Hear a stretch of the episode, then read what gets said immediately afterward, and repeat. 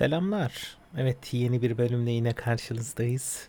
BFS Podcast'e hoş geldiniz. Ben e, Eren Bolaykim. Yine bir bölümle bu, bu hafta karşınızdayım. Hmm, bu hafta bölüm aklımda aslında birkaç farklı konu vardı. Öncelikle e, birkaç kişinin yorum yaptığını gördüm YouTube'da vesaire. Bana Discord üzerinden ulaşanlar da oldu. Güzel yorumlarınız için çok teşekkür ederim e, birkaç kişiye de olsa faydalı olduğunu gördüm. E, inşallah yine bu şekilde devam eder, edeceğim, etmek istiyorum. Zaten her şeyden önce benim için güzel bir his oluyor. Her zaman ne zaman kayıt yaptık yaparsam yapayım benim için çok güzel bir deneyim oluyor. Rahatlamış olarak hissediyorum kendimi ve birkaç kişiye de güzel bir bakış açısı sağladığını gördüm ki Bence her şeyden önemlisi bu. Ee, hem benim mutlu olmuş olmam, beni rahatlatıyor olması hem de birkaç kişiye dahi olsa fayda sağlıyor olması. Bakalım nereye kadar gideceğiz. Ee, ilk başta tabii ki böyle deneyimlerimden bahsedeceğimi söylemiştim. Aklımda da yine konular var. Bu konular genelde benim deneyimlerime dayalı. Ama ileride tabii o sonsuza kadar devam edebilecek bir konu değil. İleride farklı konulara da değiniyor olacağız. Ee, en azından benim ilgimi çeken konulara değinmeye çalışacağım. Önceden Kayrin'le konuşmuştuk. Bir, bir sene önce yani çok önceden dediğim bayağı önce konuşmuştuk. Belki bir gün onu konuk olarak alırım. Ee, onun Amerika maceralarından bahsederiz. Çünkü konu kesinlikle böyle bir, bir e, önceden şey önceki radyo programı yaptığım dönemde aslında e, negatif olarak düşündüğüm şey şuydu. O formatla ilgili sadece anime etrafında o, o, onu bağlamıştık. Sadece anime hakkında konuşuyorduk. O yüzden o biraz limitleyen bir faktör. Bu sefer öyle bir e, şekilde yaklaşmak istemiyorum. E, canımız ne isterse onun hakkında konuşalım istiyorum ki ilgi çeken konu bir hafta belki konu ilginizi çeker, bir hafta belki çekmez. E, o, o şekilde ilerleriz. İlginizi çeken bir konu olduğunda dinlersiniz. İlginizi çekmeyen bir konu olduğunda bu hafta pas geçersiniz. Ki benim için tamamıyla normal. Evet aslında ha bir de geçen haftadan bir e, ene, gözlemim var. Kendi kendimi dinledim çünkü. 40 bin kere işte işte işte dediğimi fark ettim. Bunun sebebi e, dile olan hakimiyetimi kaybet ettiğimi gösteriyor. Sürekli böyle araya dolduran şeyler işte, e, işte işteler mişteler. Nerede tıkanıyorsun? Beni aklına gelmiyor adam gibi nasıl kendim bir şey ifade edebilirim vesaire. Bu gelmeyince oraya bir şeyler sokuşturuveriyor insan. Zamanla düzeleceğini umuyorum. Ee, bakalım. Dediğim gibi bu biraz galiba Türkçe olan hakimiyetimi kaybetmemden kaynaklı. İnşallah bunu geri kazanmaya için güzel bir e, sebep olacak bu aynı zamanda benim, benim rahatlamamın dışında e, Türkçemi de tekrar daha iyi duruma getirebilecek bir şekilde bana yardımcı olur diye umuyorum. Arada saçmalayabilirim cümlelerde. Lütfen kusura bakmayın. Sebebi bu. Bu hafta aslında yine size güzel bir deneyim veya hmm, deneyim diyelim evet. Babamın deneyimini anlatmak istiyorum. Babamın hayatından bahsetmek istiyorum. Babam benim hayatımda çok büyük öneme sahip olan biri. Ee, kendimi hep babama benzetmeye çalışıyorum yaptığım şeylerle. Ondan bir sürü şey öğrendim. Hala da öğrenmeye devam ediyorum. Her zaman ne zaman işle ilgili bir karar vermem gerekiyor olsa her zaman babamı ararım. Her zaman ondan fikir alırım. Ee, anlattığımda e, daha da fark edeceksiniz. Gerçekten vizyonu çok geniş bir insan. Ee, belki size de bir iki faydası olur hikayesini dinlerken e, diye umuyorum. Bakalım. Babam Kayseri doğumlu. Ben de Kayseriliyim bu arada. Otomatik olarak tabii ki. Ee, babam İstanbul'a ortaokul zamanında geliyor. Ee, ortaokulda ilk geldiğinde tabii ki e, hiçbir şekilde e, Türkçesi bile e, konuşurken mesela çok aksanlı konuştuğunu söyle, söylüyordu. O, o, zaman, o yüzden ortaokulda ve lise çağlarında birçok kez dalga da geçirdiğini hep bahsederdi e, onunla konuşurken. O yüzden babamın hayatı ilk küçüklüğünden beri köyde de dedemin çok sert bir yapısı olmasından kaynaklı E, ve babamın da yedi kardeş içinde e, abim, şey, amcam e, ilk erkek çocuk en büyük. Arada ve altı tane kız ve son en küçük de babam. Ee, o yüzden babamın hep böyle bir erkeksin yaparsın tarzında bir sürekli babam bunlardan bahsederdi. İşte geceleyin bir köyden bir köye hmm, e, dedemin babamı göndermesi babamın çok korkması. İşte babamların o dönemde tabii ki köyde kaldıkları için kangal köpekleri varmış her zaman. İşte iki, babamın köyde kaldığı dönemlerde 2-3 köpek galiba. Eee e, sahibi olmuşlardı. Ondan bahsederdi. O yüzden mesela çok kangal kangallara karşı çok büyük bir ilgim vardı. Bizim de kangalımız vardı hatta. Ee, babamla çalıştığım dönemde e, benim üniversite değil üniversite yıllarımın diyelim. İşte yaz tatilinde eve gelirdim. İşte babamın yanında çalışırdım. Bilgisayar oynamak için işte işte depoda e, ben babama tekliflerini vesaire yazarken babamın şirketinin tekliflerini vesaire yazarken Ayrıca bilgisayar kullanıyorduk tabii ki. Ben o bilgisayarı teklif yazmaktan çok tabii ki oyun için kullanıyordum. Bir omuzda bir dönem kaldığımızda bir kangalımız da vardı. Tabii ki sonradan kangal sonuçta açık alanda yaşaması gereken bir köpek. Bir sene kadar bizimle yaşadı ama sonradan aslında biz de onun çok mutlu olmadığını gördük. O yüzden babamın bir arkadaşına vermiştik köpeği. Neyse çok farklı konulara daldım. Geri dönelim. Ee, babamın küçüklüğünden işte beri sürekli bir hayata karşı bir zorluklarla karşılaşma, mücadele. Dedemin biraz zorlamasıyla. Ee, bir sürü böyle bir durumla geçmiş. Ortaokula gelene kadar. ilkokulu e, farklı köylere yürüyerekten işte babamın e, Kayseri'deki köyünden farklı bir köy okulun olduğu köye yürüyerek her gün gidip gelmesi gerekiyormuş. Sonradan ben bir kere aslında köye gidip görme imkanım oldu. Gerçekten köyler arasında çok uzun mesafeler var. Ve köy demek de insana hani bilmiyorum köy sizin e, yani gözünüzde ne canlandırıyorsunuz ama mesela benim annemin tarafı Bursalı. Bizim Orhan Gazi diye bir köy Orhan Gazi diye bir yerde e, yerli yani Orhan Gaziliyiz biz. Bursa Orhan Gazi. Orhan Gazi Bursa ile Yalova arasında bir yer. E, köy dediğimizde mesela hep Orhan Gazi'nin yanında bizim Orhan Gazi'ye yakın bir yerde asıl köyümüz var. Orhan Gazi'nin kendisi köy değil. Gayet büyük bir yer. Oradaki köyümüz hep bizim aklıma gelirdi. O köy de gerçekten köy demeye yani köy eğer benim gözümde o köydü ama oradaki hane sayısı çok fazla oradaki köyle babamın köyünü karşılaştırınca babamın köyünde 3-4 tane ev var. Gerçek anlamda 3-4 tane ev var. Yani çayırın ortasında yani açık alanda vadinin ortasında 3-4 tane evin olduğu ufak bir yer. Köy oysa annemin köyü herhalde annemlerin köyü herhalde şehir gibi bir şey oluyor aslında yani o skalaya koyarsak eğer e, o köyse gerçekten o yüzden çok şaşırmıştım gördüğümde. O, o zamanki şartlara göre de aslında çok garip tar tarımla uğraşıyorlarmış işte ne bileyim çok büyük tarlaları varmış tabii ki işte patatesti e, kavundu karpuzdu vesaire bu tarz şeyler ekiyorlarmış. O zaman tarımcılık yapıyormuş dedem yani. O yüzden belki normal e, köyler arasında büyük mesafe olması çünkü tarlalar çok büyük. E, babam anlatırdı mesela o dönemleri çok e, ilgi çekici olduğunu düşünmüyorum ama zorluklarla gerçekten büyük zorluklarla yaşadıklarını işte kışların çok zor olduğunu tipilerde bir köyden bir köye bazen yürünmesi gerektiğinde gerçekten insanın hayatını riske atarak bunları yaptığını e, birçok kez bahsetmişti. İnsanın aklına gelmiyor aslında düşünüyorsunuz şimdi bahsettiğim şey babam şu an 70 yaşında. Ben bahsettiğim olay 60-65 sene önce çok belki uzun gibi uzak gibi gelmiyor size.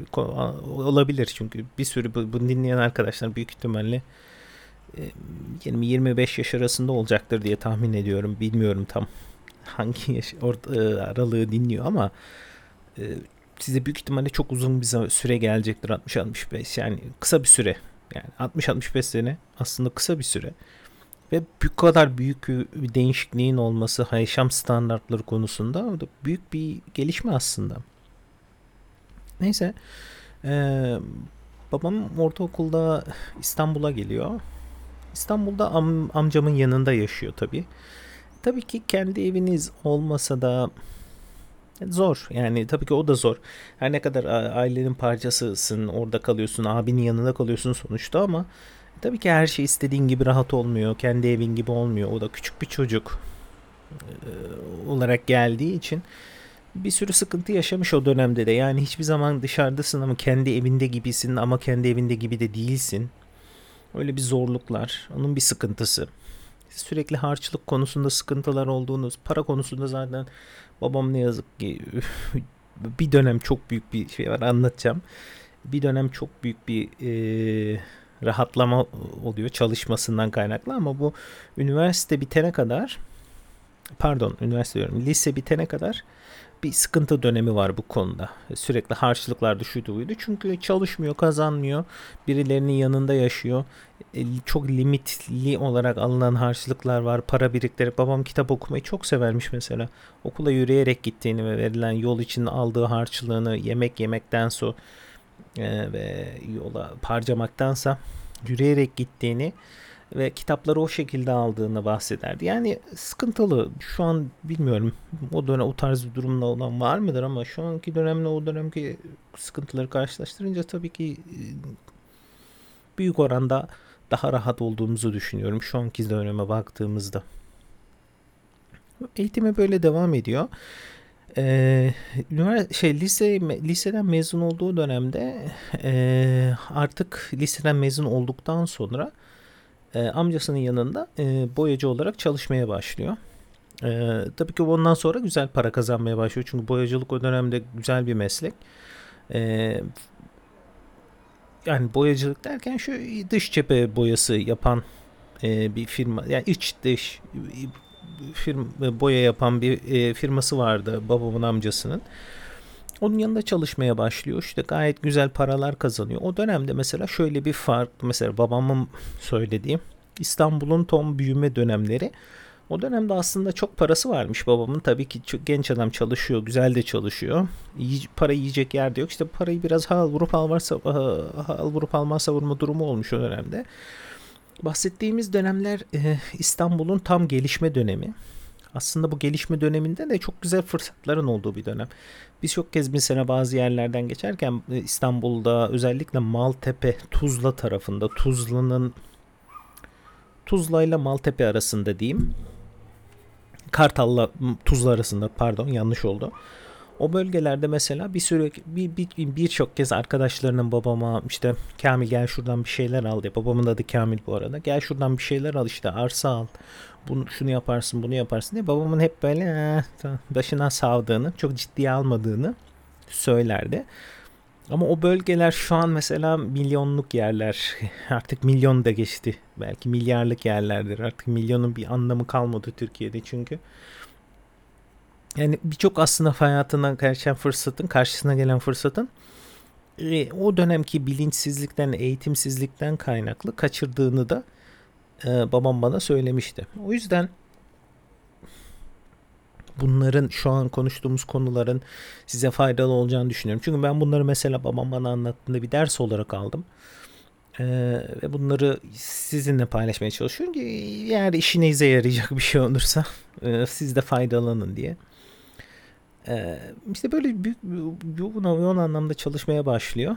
Ee, ondan sonra işi iyice artık senelerce tabii çalışmalar vesaire çok fazla bu işe yatırım yapıyor. Amcam vefat ettikten sonra kendi şirketini kuruyor. Ee, o dönemde babam amcamla çalışıyor. Bir dönem amcamla çalıştılar. Sonra amcam çalışmayı bıraktı babamla birlikte ama babam şirketin yönetici yani şirketi kuran ve yöneten kişi babamdı. O dönemlerde gerçekten e, babamın şirketi kurduğu dönemlerde tabii şirketin adı da Pinola Dekorasyon, Dekorasyon'dur. Çok uzun zaman e, şirketi e, ben tekliflerini hazırlıyordum vesaire ama babam uzun zamandır tabii ben artık kendimi bilecek seviyeye geldiğimde babama yardım etmeye başladım ama ondan öncesinde de babam uzun seneler şirketi yürüttü. Boyacılık işi biraz aslında çok garip bir iş. Babamdan bildiğim kadarıyla tabii ki uzman değilim bu konuda ama babamdan gördüğüm kadarıyla gerçekten para kazandığınız dönemlerde aşırı para kazanıyorsunuz. Gerçek anlamda güzel para kazanıyorsunuz. Ama e, gittiği zaman da bir anda gidiyor. Yani çok hızlı gelip çok hızlı paranın gittiği bir iş. O yüzden gerçekten para geldiğinde mesela ben çok hatırlarım. iki kere üç kere başımıza geldi. Bir dönem oluyor mesela paramız bol gidiyoruz ev alıyoruz. E, yatırım için işte oturmak için yeni bir ev alıyoruz. Oturduğumuz evi hiç satmadık tabii ki ama yatırım için bir ev alıyoruz mesela. Bir olay oluyor iki sene sonra bir buçuk iki sene sonra kriz oluyor vesaire satıyoruz. Böyle al sat olayı birçok kez gerçekleşti.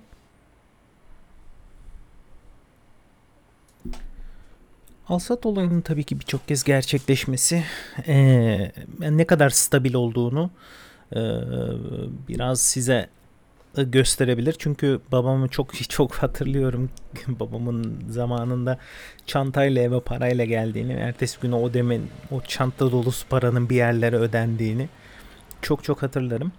Çünkü bir sürü para alıyorsunuz. Altınızda çalışan bir sürü insan var. Bir dönem babamın yanında 70 70 70 ila 80 kişinin çalıştığını biliyorum. Çok güzeldi babamın bir dönem işleri ve o babamın e, o dönem aslında babamın yaptığı işi de biraz aslında belki e, spesifik olarak anlatmam iyi olabilir. Çünkü babamın şirketi boyacılık üzerineydi ama babamın e, özellikle f- f- konsantre olduğu bir alan vardı. E, tahta binalar yani ahşap dış cephe boyası iç cephe, dış cephe ama ahşap üzerinde babamın büyük bir e, deneyimi var bu konuda. E, o yüzden yalı e, özellikle boğaz içinde gördüğünüz o ahşap dış cephesi ahşap olan e, yalılardan birçoğunu babamın e, o, o aktif gerçekten çok e, aktif olarak ve ünlü olarak çalıştığı dönemlerde babamın yaptığı e, bir sürü yalı olduğunu ben biliyorum. E, Huber Köşkü'nü babamın bir dönem yaptığını biliyorum. Serdar Bilgin'in bir yalısı var yine. Onu ona ben de kendim yaz oku yaz üniversiteden geldiğim bir yaz döneminde çalışmıştım. Yani babam şirketi e, açık olduğu yani şirketi e, açık yani şirketi çalıştığı dönemde e, gerçekten e, bir sürü güzel işe imza attı. Ama e, tabii ki bu belli bir süre sonra azaldı. E, sebebi şu. E, tabii ki her işte olduğu gibi şu an piyasalarda da mesela biliyorsunuz e, boyacılıkta özellikle çok farklı olaylardan para kazanma mümkün. Yani insanlar şöyle şeyler yapabiliyor. Örnek veriyorum boyayı alıyorsunuz.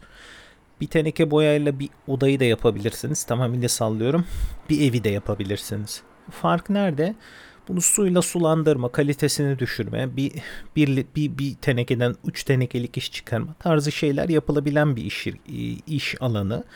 E siz de tabii ki eğer bu işten anlamıyorsanız özellikle teknik olarak bu işten anlamayan kişiler yani işi veren kişiler e, iş boya yapıldı mı yapıldı baktığınızda ev boyandı mı boyandı tamam diyorsunuz olay bitti. Adam parasını alıyor gidiyor. E, siz de iş yapıldı sanıyorsunuz. Ama iş çok farklı. Şimdi iş yapıldıktan sonra bir sene dökülen, bir sene sonra dökülen boyalar var. 8 sene kalan boyalar var. Babamın ki öbür uçta. Babam tamamıyla kalite veren bir insan. Kaliteyle sunan bir insan.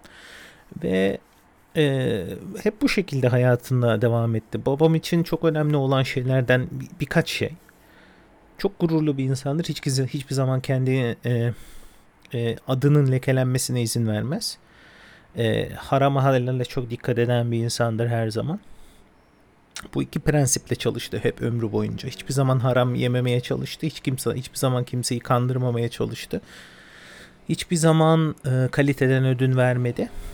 O yüzden bir sürü iş kaybetti. İnsan ilişkilerine de çok önem veren bir insandı. Bir sürü işte de e, para bıraktığını ben çok iyi biliyorum. E, sadece işler e, bozulmasın diye, ilişki bozulmasın diye. Çünkü babamın o en üst seviyede olduğu dönemlerde İstanbul'un büyük ve ünlü mimarlarıyla bir sürü e, çalışmışlığı var. Zaten büyük işleri büyük mimarlara veriliyor. Büyük mimarlar da bilinen insanlarla çalışıyor. Kalite arandığında.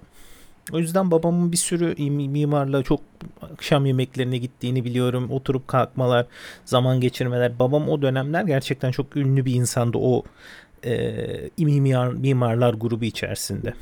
Yaptığı işten dolayı tabii ki kalite e, kalite o zaman ön plandaydı.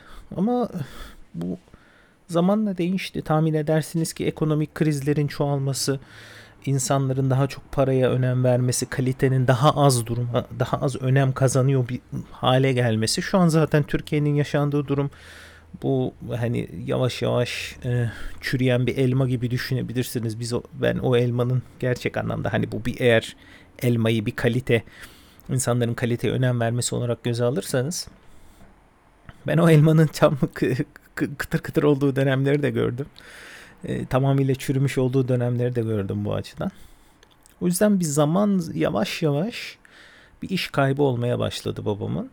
Ee, babam hiçbir zaman dediğim gibi işten ödün, kaliteden ödün vermeyen bir insandı. E, zamanla şunları görmeye başladık. İşte babam teklif veriyor. İşte diyorlar ki bir metrekaresi işte 20 lira sallıyorum lan e, şeyi. Ee, işte 15 lira başka biri verdi. Bizim garanti olarak alacağımızı düşündüğümüz yani babamın ilişkilerinden dolayı garanti olarak alacağımızı düşündüğümüz işlere alamamaya başladık sürprizlerle. İlk başta bir sürpriz oldu, sonradan normal oldu, sonradan işler azaldı, sonradan gelen kalit işlerin kalitesi yani e, şimdi şöyle işler var tabii ki işin büyüklüğüne göre ne kadar kazancılı olduğunu da e, tahmin edebilirsiniz. Önceden çok güzel işler geliyordu. O çok güzel işler ara ara gelmemeye başladı. Ondan sonra tamamıyla gelmemeye başladı. Sonra kazancında küçük düşük oranlarda kazan yapacağınız işler gelmeye başladı. Bunlar da yavaş yavaş git, e, gelmemeye başladı. Çünkü piyasa artık insanlar insanlar yani işi veren kişiler paraya odaklanmaya başladı kaliteden çok. E, bu şekilde yavaş yavaş bir e, azalmadan dolayı e, tahmin edersiniz. Şimdi babamın o dönemlerde bahsettiğim 70-80 kişinin çalıştığı bir dönemde. Tabii o dönemde 70-80 kişi çalışmıyordu son dönemlere doğru ama 10-15 kişi çalışıyordu her ne kadar çok olmasa da. E şimdi para kazanamıyorsunuz. İşte vergiler birikiyor. Her şey vergi borçları, iş gelmiyor. İnsanların aileleri var. İşveren olmak çok zor. Bilmiyorum size kolay mı gözüküyor. Ama gerçekten babamın bize özellikle e, tavsiyede bulunduğu bir, bir konu her zaman babam çok e, özenmiştir mesela bu konuda insanlara. Özenmek değil de yani bize tavsiye çok bize bunu özellikle aşılamaya çalıştı hayatı boyunca. Gidin bir işe girin. Ay sonunda elinize ne para geçeceğinizi her zaman bilin. Ona göre yaşayın. Okulunuzu okuyun. Ona göre yaşayın. Elinize her zaman ayın sonunda ne kadar para geleceğini bil, bilin. Bu gerçekten önemli bir şey.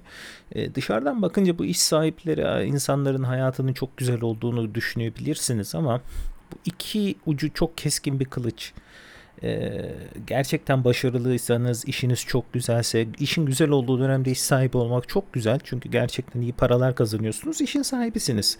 İş başarılıysa bütün kazanç size kalıyor. Ama işin kötü olduğu dönemler de olabiliyor. O bu e, tabii ki işi var, iş var. Şimdi bazı işler stabil olarak size aylık belli bir kazanç sağlayabilir. O yüzden ona göre çok rahat hayatınız ön, öngörülebilir bir hayat olabilir.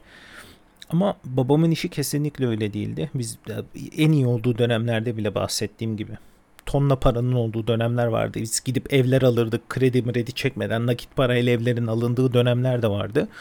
Gerektiğinde o evlerin satıldığı dönemler de vardı. O yüzden gerçekten sektör önemli. Nasıl sizin bu iş, işin gelen işlerin nasıl olduğu önemli. Örnek veriyorum yine kahve dükkanı açarsınız örnek veriyorum. Starbucks. Geliri bellidir 3 aşağı 5 yukarı. Çünkü belli bir bölgede açacaksınız o Starbucks'a örnek veriyorum. Bir plazanın yanındaysa. Starbucks'ta bir şirket açamazsınız da örnek veriyorum sadece. O şirketin hangi bir ay içinde hangi günler çalıştığı belli. O çalışan günlerin içinde ortalama olarak kaç insanın geleceği belli. Yani öngörülebilir bir gelir. Ama diğer iş kesinlikle değil. Ee, tabii ki böyle bir azalmadan ve borçların birikmesinden dolayı çok stresli bir dönemdi. O dönemi anlatmak gerçekten çok zor. Aslında onu anlatmak istiyorum.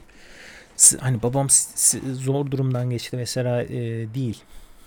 E, olay onu nasıl aslında neler vardı, neler kazanıldı, neler yitirildi. Bunlar önemli.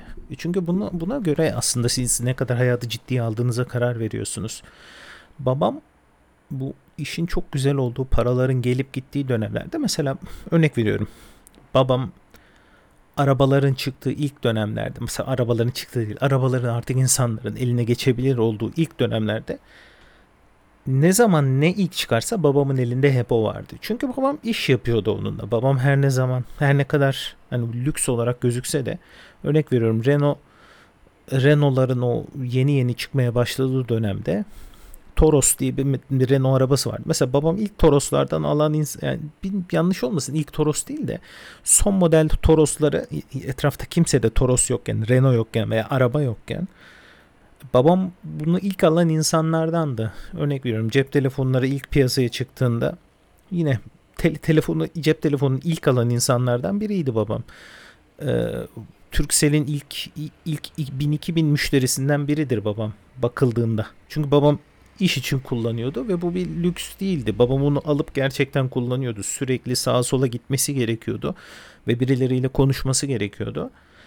Ve o çok aktif çalıştığı bir dönemde. O yüzden bunlara yatırım yapması gerekiyordu. Ama bunlar da hep ilkti. Ee, insanlar bunu görünce tabii e, akrabalarımız arasında özellikle e, çok büyük saygı gören bir insandı. Babam sülalede de vesaire hala saygı gören insandı demem kesinlikle yanlış. Hala saygı görüyor ama onu anlatmak istiyorum. Nelerin değiştiğinden anlatmak istiyorum. O dönem her yere gittiğimizde işte bizim evimize gelen gidenin haddi hesabı olmazdı. Babamın arkadaşları olsun, akrabalarımız olsun. Sürekli misafirler, çaya gelenler, yemeğe gelenler vesaire vesaire. Sürekli bizim hayatımızın normal bir parçası olmuştu. Aslında beklenen şeydi. Her zaman bize artık normale dönmüştü. Haftanın iki günü birileri gelir. İşte kahvemiz olur, çayımız olur. İşte oturulur, konuşulur. Ha ha ha hi hi hi. Biz de gideriz tabii ki. Siz gidince insanlar da sizi davet ediyor normal olarak. Ya onun birileri gelir ya birileri ya biz gideriz. E, işte akrabalar içinde ne zaman birinin sıkıntısı olsa bir şey olsa her zaman herkes arar sorar. İşte bayramlarda telefonlar susmaz. E, hem ailenin büyüğü olduğu için hem de saygı gördüğü için gelenimiz gidenimiz eksik olmaz. Her bayramda ilk 2-3 gün bizim evimizde bir yarım saatlik boş bir vakit bile olmaz. Herkes gelirdi biz gideriz onlar gelir.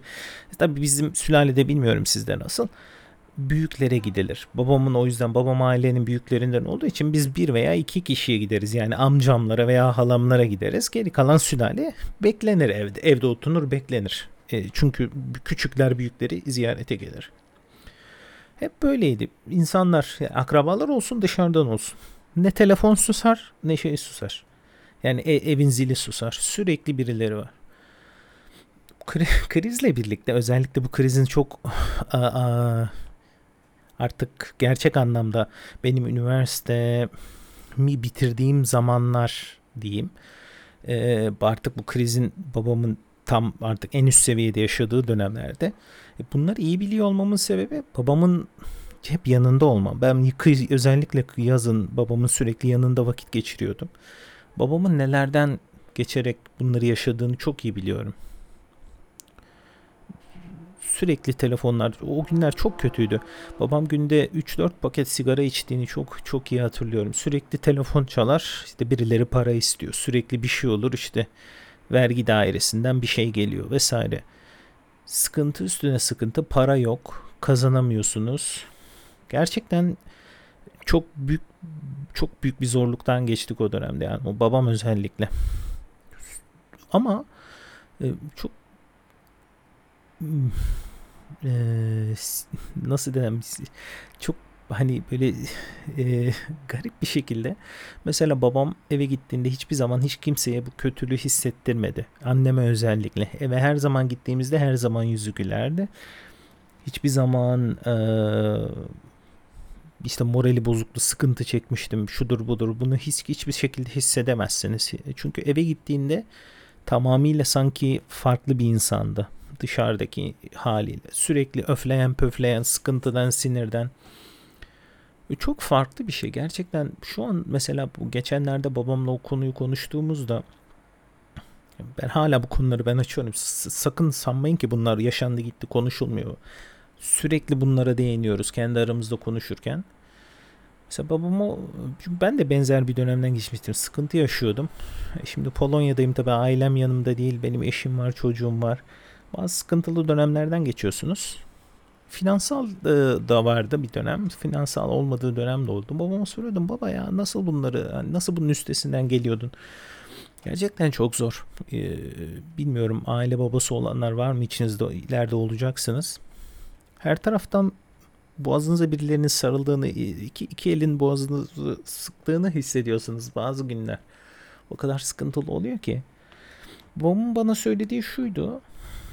O dönem beni sadece e, bağlayan, beni hayata bağlayan tek şey evdi. Evdeki huzurumdu dedi. E, onu ne olursa olsun kaybetmek istemediğim için bunu yaptım dedi. O yüzden yoksa kafayı yerdim, intihar ederdim dedi yani. Düşünün kendinizin o kadar o kadar sinirin stresin altında borcun harcın içindesiniz. Ama bunu eve gelince tamamıyla yok edip o huzuru yaşayabiliyorsunuz. Gerçekten çok zor. Ben hala nasıl yaptı bilmiyorum. Annem de babam da birlikte annem her zaman olayın içinde tabii ki. Yani babam hiçbir zaman bunları konuşmasa da annem her şeyin farkında. Ee, ama mesela babamın hiçbir zaman bana şunu söylediğini de hatırlamıyorum. Mesela ben alışveriş yaparken bir şey yaparken alırken oğlum durumumuz kötü alma. Hiçbir şekilde özellikle yiyecek içecek konusunda önümüzde ne varsa her zaman önümüzdeydi. Hiçbir zaman bunları şey yapmadı. Ee, hani durumumuz kötü diye almamazlık vesaire yapmadık. Belki de o yüzden de bilmiyorum. Bizim ailemizin hep bir geleneğiydi. Soframızda ne varsa hep de her zaman aynı şeyler vardı. Biz o konuda çok kesmeyi bilemedik de belki. Ama babam da belki yapmak da istemedi. Şimdi düşünüyorum bilemedik demek de doğru değil. Ee, bir şekilde her şeyin normal olduğunu hissetmeye çalışıyorsunuz. Her şeyin normal olduğunu bilmek istiyorsunuz. Evinize geldiğinizde dolabınızın dolu olduğunu görmek, masanızın dolu olduğunu görmek, herkesin mutlu olduğunu, gülüyor olduğunu, önceden ne yiyorsa ne alıyorsa aynı şeyleri aldığını görmek sizi her ne kadar dışarı borcunuz olsa da büyük ihtimalle o normal her şey normal her şey kontrol altında hissini almıyor da olabilir. Ben ben öyle de olabileceğini düşünüyorum. Ben şu an şu an bir baba olarak baktığımda bu bana mantıklı geliyor. Evinize geldiğinde her geldiğinizde herkesin yüzünün gülüyor olduğunu görmek, mutlu olduğunu görmek, sofranızın dolu olduğunu görmek, bu dolabınızın dolu olduğunu, rafların dolu olduğunu görmek. Diyorsunuz ya tamam her şey yolunda. Bir problem yok. Belki de bunun için yapıyordu bilmiyorum ama kesinlikle bu konuda hiçbir şekilde zorluk evde hissetmedik. Ben üniversite zamanımda da yine ne zaman harçlık vesaire istersen babamın hiçbir zaman oğlumu alma etme hiçbir zaman söylediğini duymadım bilmiyorum. Sıkıntı ailemizin her zaman parçasıydı. Finansal sıkıntı özellikle benim üniversite ve son üniversite dönemim ve sonrasında özellikle üniversitemin bitmesine yakın artık en tepe noktasıydı.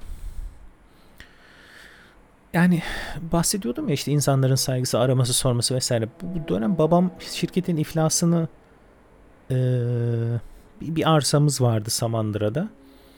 Bu arsamızı satmak zorunda kaldık. İşte, işte Allah'tan o vardı elimizde.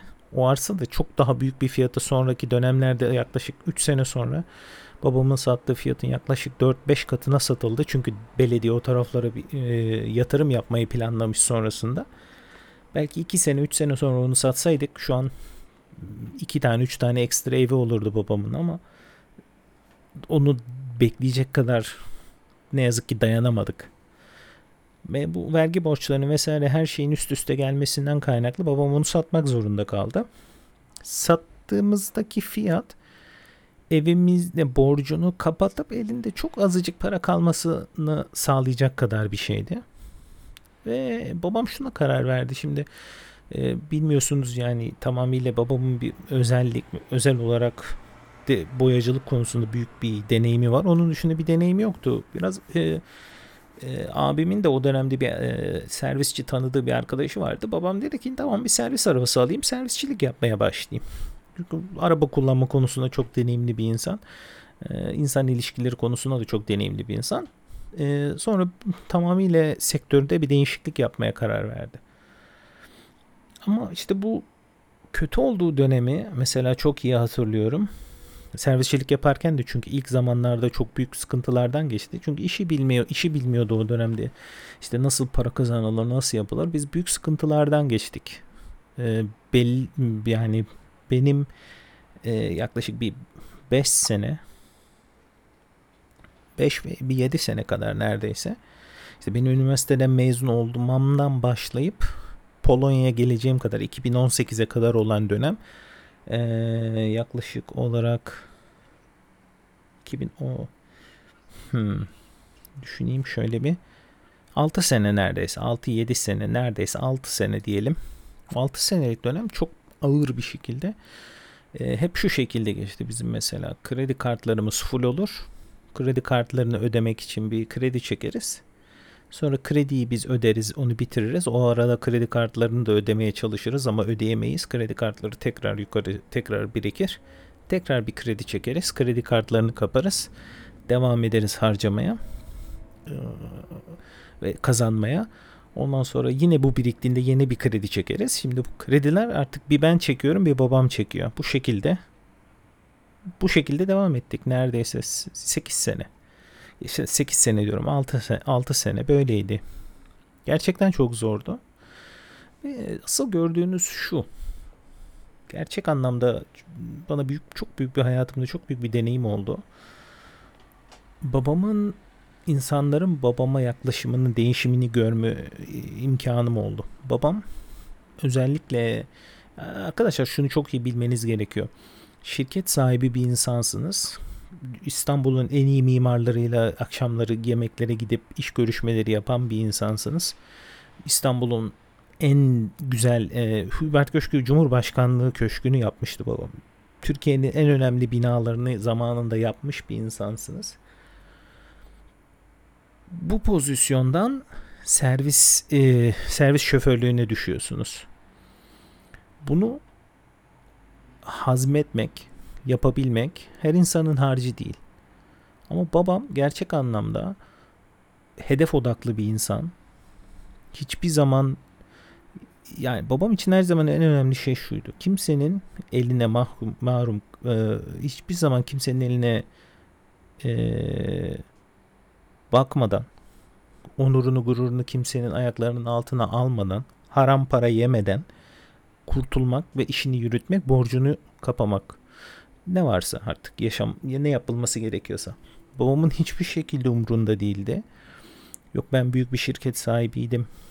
İşte şöyle böyle insanların İstanbul'un belki en iyi en, en, en ünlü dekorasyoncularından, boyacılarından biriydim. Sonradan bu duruma düştüm demeden sadece onurunu, gururunu hiçbir zaman ayaklar altına almadan, hiçbir zaman kimseden para, kimseden bir şey istemeden, yardım istemeden kendi kendine bu işin üstesinden gelmekte. Hiçbir zaman bunu gurur meselesi yapmadı. O yüzden ki bunu yapan, bunu yaşayan insanları da gördüm hayatımda. Gerçekten çok size çok basit gözüküyor olabilir ama bir patron patron olarak bir patronluktan o seviyeye düşmek bir sürü insanın hazmetemediği bir durum. Bir sürü insanın altından kalkıp üstesinden gelip aslında başarılı olamadığı bir durum. Çünkü gurur meselesi yapıyorsunuz. Çünkü ben bu, bu adamlarla ne bileyim servis şoförlüğü yaparken sonuçta banka şubesinde çalışan şube memurlarıyla, bankanın güvenlik görevlileriyle vesaire alıyorsunuz işe götürüyorsunuz. 5 dakika önce gelirsin, 10 dakika sonra gelirsin. 3 kuruşluk insanlarla oturup 3 kuruşluk insanların oturup size tafra atmasını dinlemek zorundasınız. Servisçilik kolay bir iş değil. Sakın servisçiliğin kolay bir iş olduğunu düşünmeyin. Çok kirli bir iş. Bir sürü insanla uğraşmak zorunda olduğunuz bir iş. O pozisyondan bu pozisyona düşmek psikolojik olarak hiç kolay bir şey değil. Bunun üstesinden gelmek hedefiniz varsa yapabileceğiniz bir şey. Gerçek anlamda sizin hedefiniz ne? Onurunu, gururunu e, hiçbir şekilde ayaklar altına almadan ailesini çocuklarını okutmak beni okutuyordu o dönemde. Ve ayakta kalmak, başka kimseden yardım istemeden, kimseden dilenmeden kendi kendine her şeyi en iyi şekilde yapıp bitirmek, başarmak.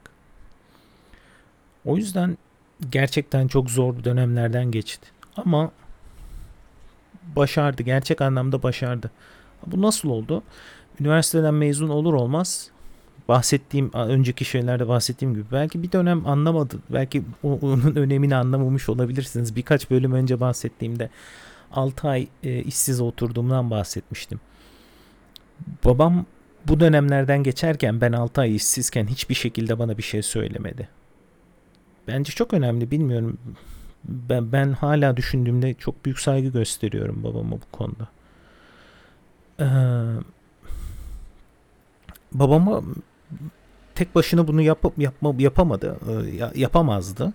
O yüzden ben de 6 sene boyunca iş hayatına başladığım ilk dönemden itibaren Polonya'ya gelene kadar ki ben Polonya'ya gelmeden gel birkaç ay önce yani o 2018'in e, Ocak ayında ben Polonya'ya geldim. Belki 2017'nin sonlarına doğru aslında gerçek anlamda borçlarımızı temizleyebildik. Kredisiz artık ayakta durabilecek seviyeye gelmiştik ailece. 6 sene boyunca büyük ihtimalle maaşımın %80'i %90'ı sürekli borç ödemeye gitti. Babamın babam benden babamın çalışma temposu servis şoförü olarak şu şekildeydi bu arada size de onu söyleyeyim. Babam sadece hafta içi okul servisi taşıyan bir insan değildi. Babam e, shopping shopping mall e, Tuz, Tuzla'da o şey Sabiha Gökçen Havalı'nın yakınında bir tane shopping mall var. Oranın servisini çekiyordu. Servisler de şöyle servisler bahsediyor. Servis derken şöyle bir yerden başlıyorsunuz. Sabah banka şubesini alıp banka şubesini bırakıyor. Oradan sonra başka bir şu banka şubesini alıyor tekrar onu bırakıyor. Eve geliyor 1-2 saat duruyor dinleniyor duşmuş alıyor her neyse. Sonra shopping mall'a gidiyor onları alıyor bırakıyor. Sonra tekrar onları alıyor bırakıyor. Yani iki shopping mall'da sonra pardon sonra banka şubeleri bankacıları alıyor evlerine bırakıyor. Tekrar ikinciyi alıyor evlerine bırakıyor. Ondan sonra shopping mall'a gidiyor. Onları alıyor. Sonra eve gelip 1-2 saat dinlenip tekrar onları alıp evlerine gidiyor. Hiç abartmıyorum. Gece sabah e, sabah 5'te başlayıp sabah 4'te kalkıp büyük ihtimalle gece 2'ye 3'e kadar servis kullanıyordu. Bu şekilde yaşadı benim babam yaklaşık 6 sene boyunca. Durmadan durmadan cumartesi, pazar, belki pazar günü bilmiyorum belki biraz daha hafifti. Bu tempoda çalıştı sürekli. Ve bu dönem içerisinde işte akrabalarınız, arkadaşlarınız vesaire biliyor işte şirketi battı vesaire şu bu diye. Arkadaşlar gerçek anlamda söylüyorum. Ben çok iyi bayramlar biliyorum. Çok çok iyi biliyorum bayramlarımızda. Telefon çok çok çok bayram oldu. Telefon çalmadı. Kimse bayramını bile kutlamak istemedi. Kimse evimize gelmek istemedi. Yokmuşsunuz gibi davranıyorlar. Gerçekten. Çok çok zor bir dönemdi. Gerçek anlamda çok zor bir dönemdi. İnsanların telefon ederim de benden para ister diye telefon etmediği bir dönemden geçtik. Gerçekten çok zor. Çok çok zor. Ama çok da güzeldi biliyor musunuz? Çünkü neyin önemli olduğunu öğrendim o dönemde. Belki çok çok sinirliyim. Hala sinirliyim aslında ben önemli değilip baktığımda bir sürü insana karşı çok sinirliyim. Çünkü gerçekten görüyorsunuz çok yakın çok yakın akrabalarınızın da akrabalarınız da akrabalardan da yakın arkadaşlardan da gerçekten görüyorsunuz insanların nasıl değiştiğini. Sonra durum iyileştiğinde nasıl değiştiğini de görüyorsunuz. Zamanla toparlandık tabii ki. O kadar sene çalıştıktan sonra. O da toparlandık. Sonra onun da nasıl değiştiğini görüyorsunuz. Babam hiçbir zaman hiç kimseye karşı kötü bir şekilde bir şekilde bile bir şey söylemedi. Kötü düşündüğünü bile düşünmüyorum o insanlara karşı. O şekilde de melek bir insan. Hiç kimseye karşı gönül koymadı. Neden aranmadı, neden edilmedi. Ama ben bunu yapamıyorum. Gerçek anlamda gerçekten çok insana karşı çok büyük gönül koydum. Hala da çok bunları aşabilmiş değilim. Hiç kimseye karşı sanmıyorum. O eski eski şey eski şekilde o çocukluğumdaki o saf duygularla bakamıyorum gerçekten. Çünkü gerçekten 180 derece bir değişiklik olduğunu gördüm hayatımda. Babamın sayesinde bunları yaşayabildim. Ha bu bana ne öğretti derseniz insanların ne olduğunda sizinle aslında birlikte olmak istediğini, ne olduğunda saygı gösterildiğini, ne yapmanızın ne yapmamanızın gerektiğini Bunları öğrendim. E biliyorum ki kötü durumda olduğunda annemin ve babamın dışında, abimin dışında kimse bana yardım etmeyecek. Bunu çok iyi biliyorum. Siz de bunu çok iyi bilmelisiniz. Bilmiyorum belki benden çok daha şanslısınızdır. Etrafınız çok belki farklı güzel bir, bir şekilde e, doludur bilmiyorum ama kesinlikle ve kesinlikle başıma bir şey geldiğinde tek babamın yanında ve abimin yanında olacağını çok iyi biliyorum. Bu beni başarılı olmaya yönlendiriyor. Çünkü düşene gerçekten tekme atılıyor. Ama sizin yanınızda gerçekten anneniz babanızın yanın dışında veya ablanız abiniz varsa gerçekten çok az insan duruyor. Şanslıysanız belki başka insanlar da vardır. Ama bu sayede gerçekten başarılı olmak zorunda olduğumu öğrendim. Başarı bahsettiğim şekilde 6 ay sonra iş, işsizlikten sonra işe girdim demiştim ya. O, işe girdikten sonra gerçekten gözümün önünde hiçbir şey yoktu. Sadece verilen işi başarılı bir şekilde tamamlayıp bir sonraki işi almak vardı. Sebebi şu gerçekten yani bunları yaşamamak. Çünkü ya, gerçekten kötü deneyim e, insana birçok şey öğretiyor. Başarı da bundan geliyor. E, şu an benim burada bugüne kadar elde ettiğim başarılarımın sebebi içinde bir alev olması. Bu alev sizi sürekli ayakta tutuyor. Bu alev sizi çalışmaya doğru yönlendiriyor. Sürekli çalışıyor, çalışır tutuyor. Sebep şu. Asla o döneme dönmek istemiyorum. Çünkü yaşadım. Gerçekten nasıl kötü olduğunu yaşadım. Ben direkt olarak ben olmasa da bana olmasa da babam sayesinde bunu yaşamış oldum. Ve ben babam kadar sağlam bir psikolojiye sahip olduğumu düşünmüyorum. O yüzden o durumlara düşersem ben babam gibi o sağlam ve güçlü bir şekilde o sü- süreci atlatıp devam edebileceğimi düşünmüyorum. O yüzden elimde ne gelirse, ne yap ne kadar yapabilirsem, ne kadar çalışabilirsem o duruma düşmemek için elimden gelen her şeyi yapıyorum. Bana bir iş verilirse kesinlikle ve kesinlikle o işin en iyi şekilde tamamlanıp gittiğinden emin olmadan o işi kesinlikle bırakmıyorum. Hiçbir zaman bana verilen bir işin verildiğinde patronum bana bir iş verildiğinde ya yine Eren'e vermek zorunda kaldık. Bakalım ne zaman bitecek. Bunun kesinlikle düşünmesine izin vermiyorum. Benim patronum şunu düşünmek zorunda. Eren'e iş veriyorum. Büyük ihtimalle iki güne bitirir. Bir günlük hissi, e, üç günlük hissi iki güne bitirir. Ha çok zor bir iş geldi. Bunu Eren'e vereyim. Başka kimse yapamaz. Kimse bunu yapamıyor. Dur bir Eren'e sorayım. Patronumun bunları düşünmesini istiyorum. Patronumun da değil. Benimle çalışan her insanın bunu düşünmesini istiyorum. Bunu nasıl insanlarda yaratırsınız? Bunu buna odaklanmalısınız. İnsanlar başarı bu şekilde geliyor ama sizi ateşleyen bir şeyin olması lazım kesinlikle. Benim için en önemli en önemli şey buydu. Babamın yaşadıklarından sonra insanların ne kadar aslında paraya ve güce değer verdiğini görmüş oldum.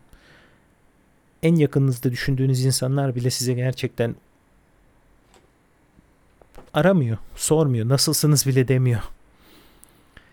O duruma nasıl düşmezsiniz? Nasıl o insanlara ma- e, muhtaç kalmazsınız? Nasıl kimseye muhtaç kalmazsınız? Nasıl kendi ayaklarınız üzerinde kalabilirsiniz? Buna odaklanmalısınız. Buna odaklanmak için de yaptığınız işi ciddiye almalısınız. Başka bir bilmiyorum. ben ben bunu yaptım. 6 sene boyunca çalıştığım 6 sene boyunca da sonraki dönemimde de e, hiçbir şekilde bu kural silsilesinden ayrılmadım. Bu kurallar çerçevesinde çalıştım ve şu ana kadar elde ettiğim tüm başarıyı da bunların bu şekilde olaylara baktığım için elde ettim bir kötü deneyim aslında. Şu an bu arada babam çok mutlular. Borçsuz harçsız Allah'a bin şükür. E, çok mutlu bir hayat sürüyorlar. Ee, annem yine bir e, kemoterapi döneminden geçiyor. Geçen şeylerde bahsetmiştim. Bilmiyorum YouTube videolarını takip edenler varsa bir kanser dönemi olmuştu annemin. Üstesinden geldik bir sefer. Ee, tekrar kanser nüksetti. e, çok erken seviyede farkına vardık. O yüzden çok umutluyuz. Yine üstesinden bir kere geldik bir kere daha gelebileceğimizi umuyoruz. Moraller her şey çok yerinde. E, o yüzden hiç e, önemli bir şey olduğunu bile inanmıyoruz. Ama yine bu kemoterapi vesaire bu süreçten bir daha bir geçmemiz gerekecek ailecek. Ee, ama e, önemli olan şey şu an çok mutlu. Her şey yolunda. Hiçbir zaman babamla birlikte babam gerçekten arkadaşlar e, çok size söylediğim gibi onurlu ve gururlu bir insandır. Kimseden yardım istemedi ömrü boyunca benden başka. O yüzden çok çok mutluyum. Babam gibi onurlu, gururlu, dağ gibi bir insanın kimseden değil benden yardım istemesi, benim yardımımı kabul etmesi, istemesinden çok babam bana Eren lütfen yardım et tabii ki demedi ama biz bir aileyiz. Benim yardımımı kabul etmesi, beni ailenin aile, bana çok büyük bir onur, gurur. Babam gibi bir insanın kimsenin yardımına istemeden benden e, benim yardımımı kabul etmesi benim biz bir aileydik sonuçta. Babam hiçbir zaman beni farklı görmedi aile. Sonuçta biz bir aileydik. Abim kendi ailesini kuruyordu. O da yardım etti elinden geldiği kadar. Ama abimin zaten kendi ailesi, çoluğu, çocuğu vardı. Onun öncelikleri farklıydı. O da elinden geleni yaptı. Ama e, babamın o dönemde bana bu şekilde yardımımı kabul etmesi dediğim gibi yani benim, benimle birlikte oğlum birlikte yapacağız edeceğiz demesi beni kendiyle bir görmesi den daha onur verici bir şey olamaz benim hayatımda.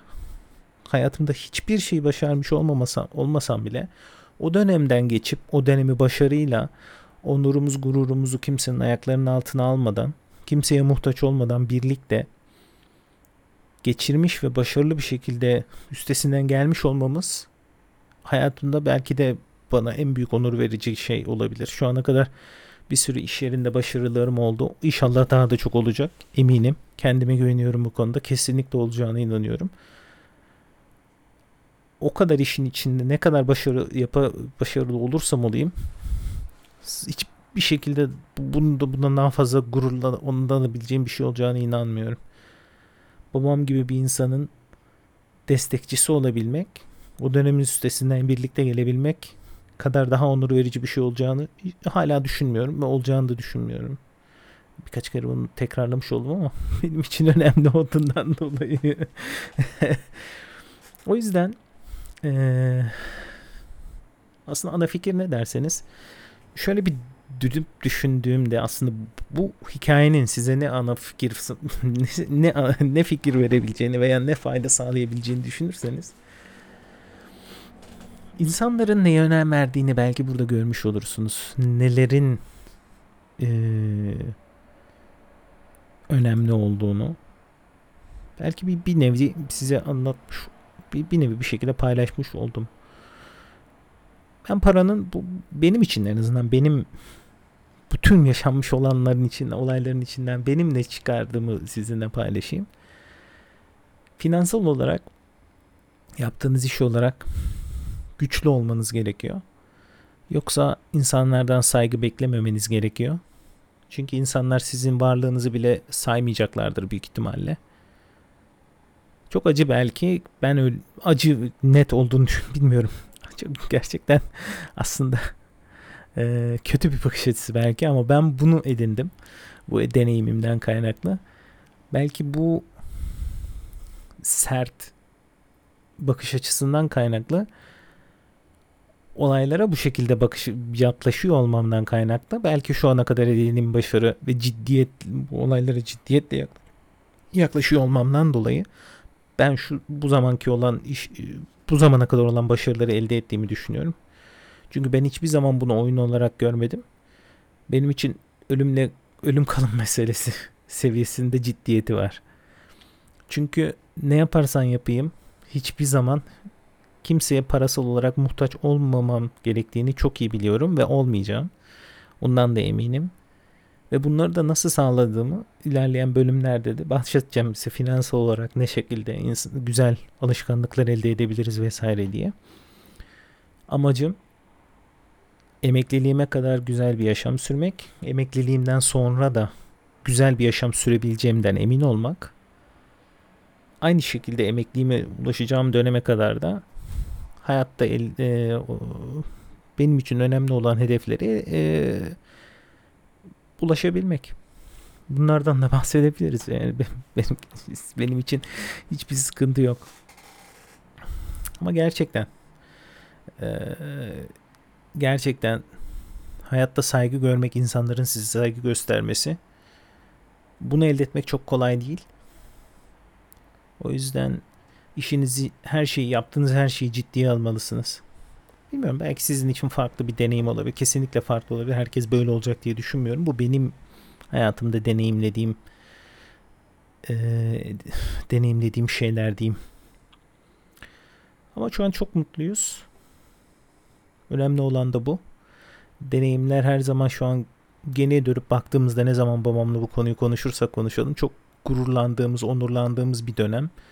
Belki gerçekten çok zorlandığımız dönem ve benim psikolojik olarak aslında çok fazla zorlandığım bir dönem. Bu eminim bunu annem de babam da farkındaydı. Her zaman bunları da dile getiriyorlar. Hiçbir zaman hakkımı yemediler. O yüzden onları çok seviyorum. Öyle öyle ne kadar da çok seveceğim. Ee, birlikte üstesinden gelmiş olmamız olayı 10 kat daha güzel kılıyor. Ama geriye dönüp baktığımızda o dönemi hiç kötü olarak düşünmüyoruz. Bir sürü aslında bir sürü şey için aynı şey söylenebilir. Yaşadığınız anda çok kötü olan deneyimler geç 5 sene 10 sene sonra geri dönüp baktığınızda e, güzel bir deneyim gibi değil ama bakıp gülüyorsunuz yani o, o anki o kötülüğü hissetmiyorsunuz. Ama gerçekten güzel bence öğrenilmesi gereken dersler içeren bir hayat. Babamın da çok daha da güzel dersler vermeye de devam edecek babam. Hay- hayatının geri kalanı boyunca da tabii ki babam benim için her zaman önemi olan çok çok her her e, yaptığı her e, öneride kesinlikle çok büyük ağırlığı olan benim kararlar verme e, sürecim içinde çok büyük ağırlığı olan bir yerde.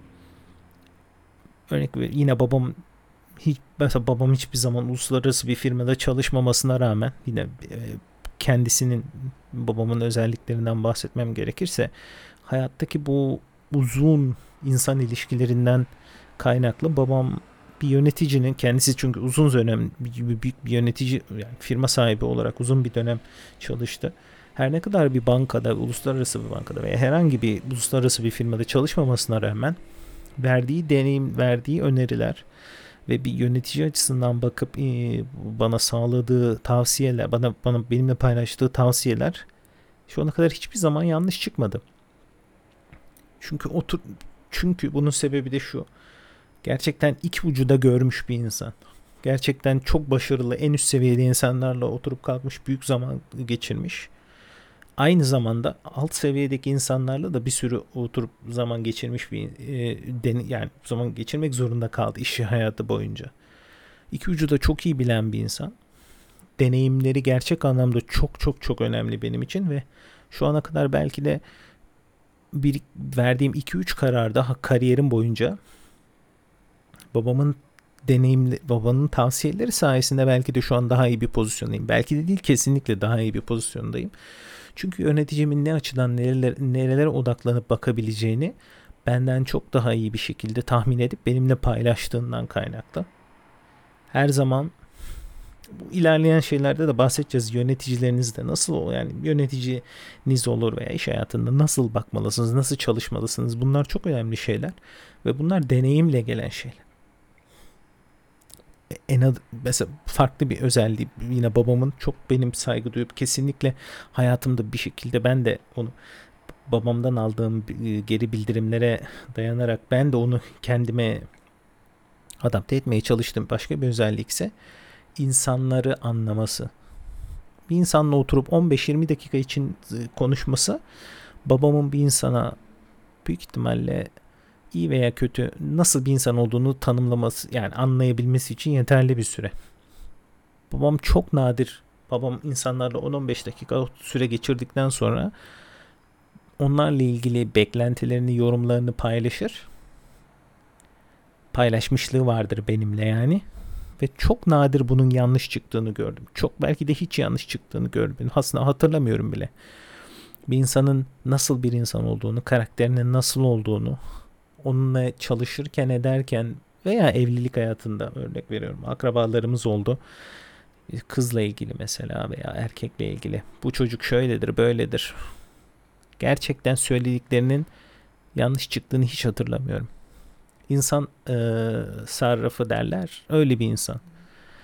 Babamdan aldığım bu geri bildirimler sürekli benim mesela insanlara bakış açımı o açıda biraz o açıdan biraz daha değiştirdi diyebilirim. İnsanları biraz daha farklı değerlendirmeye başladım. O yüzden e, bunun çok faydasını gördüm hayatım boyunca bu arada. Yani bir insanla oturup 15-20 dakika konuştuğunda ben de bir nevi bir fikir sahibi olabilecek seviyeye geldiğime inanıyorum. Bu babamın seviyesinde kesinlikle değilim. O seviyeye geleceğimi de hiç inanmıyorum. İnşallah bir gün gelebilirim ama bunlar gerçekten önemli deneyimler ki bunları nasıl anlıyorsunuz? Bunları biriyle gerçekten bilgili biriyle oturup zaman sürekli onunla zaman geçirdi, onunla uzun zaman geçirmenizin ardından bir sünger gibi içinize siniyor arkadaşlar. O yüzden babamla birlikte ben kendim şu bu açıdan çok şanslı görüyorum. İş hayatı boyunca bu disiplin, insanlara yaklaşmam, insanlara insan gibi yaklaşmam, saygı göstermem, o yöneticilerime saygı göstermem, onların düşüncelerine saygı göstermem ama doğru yollarda kendi düşüncemi de ifade edebilmem.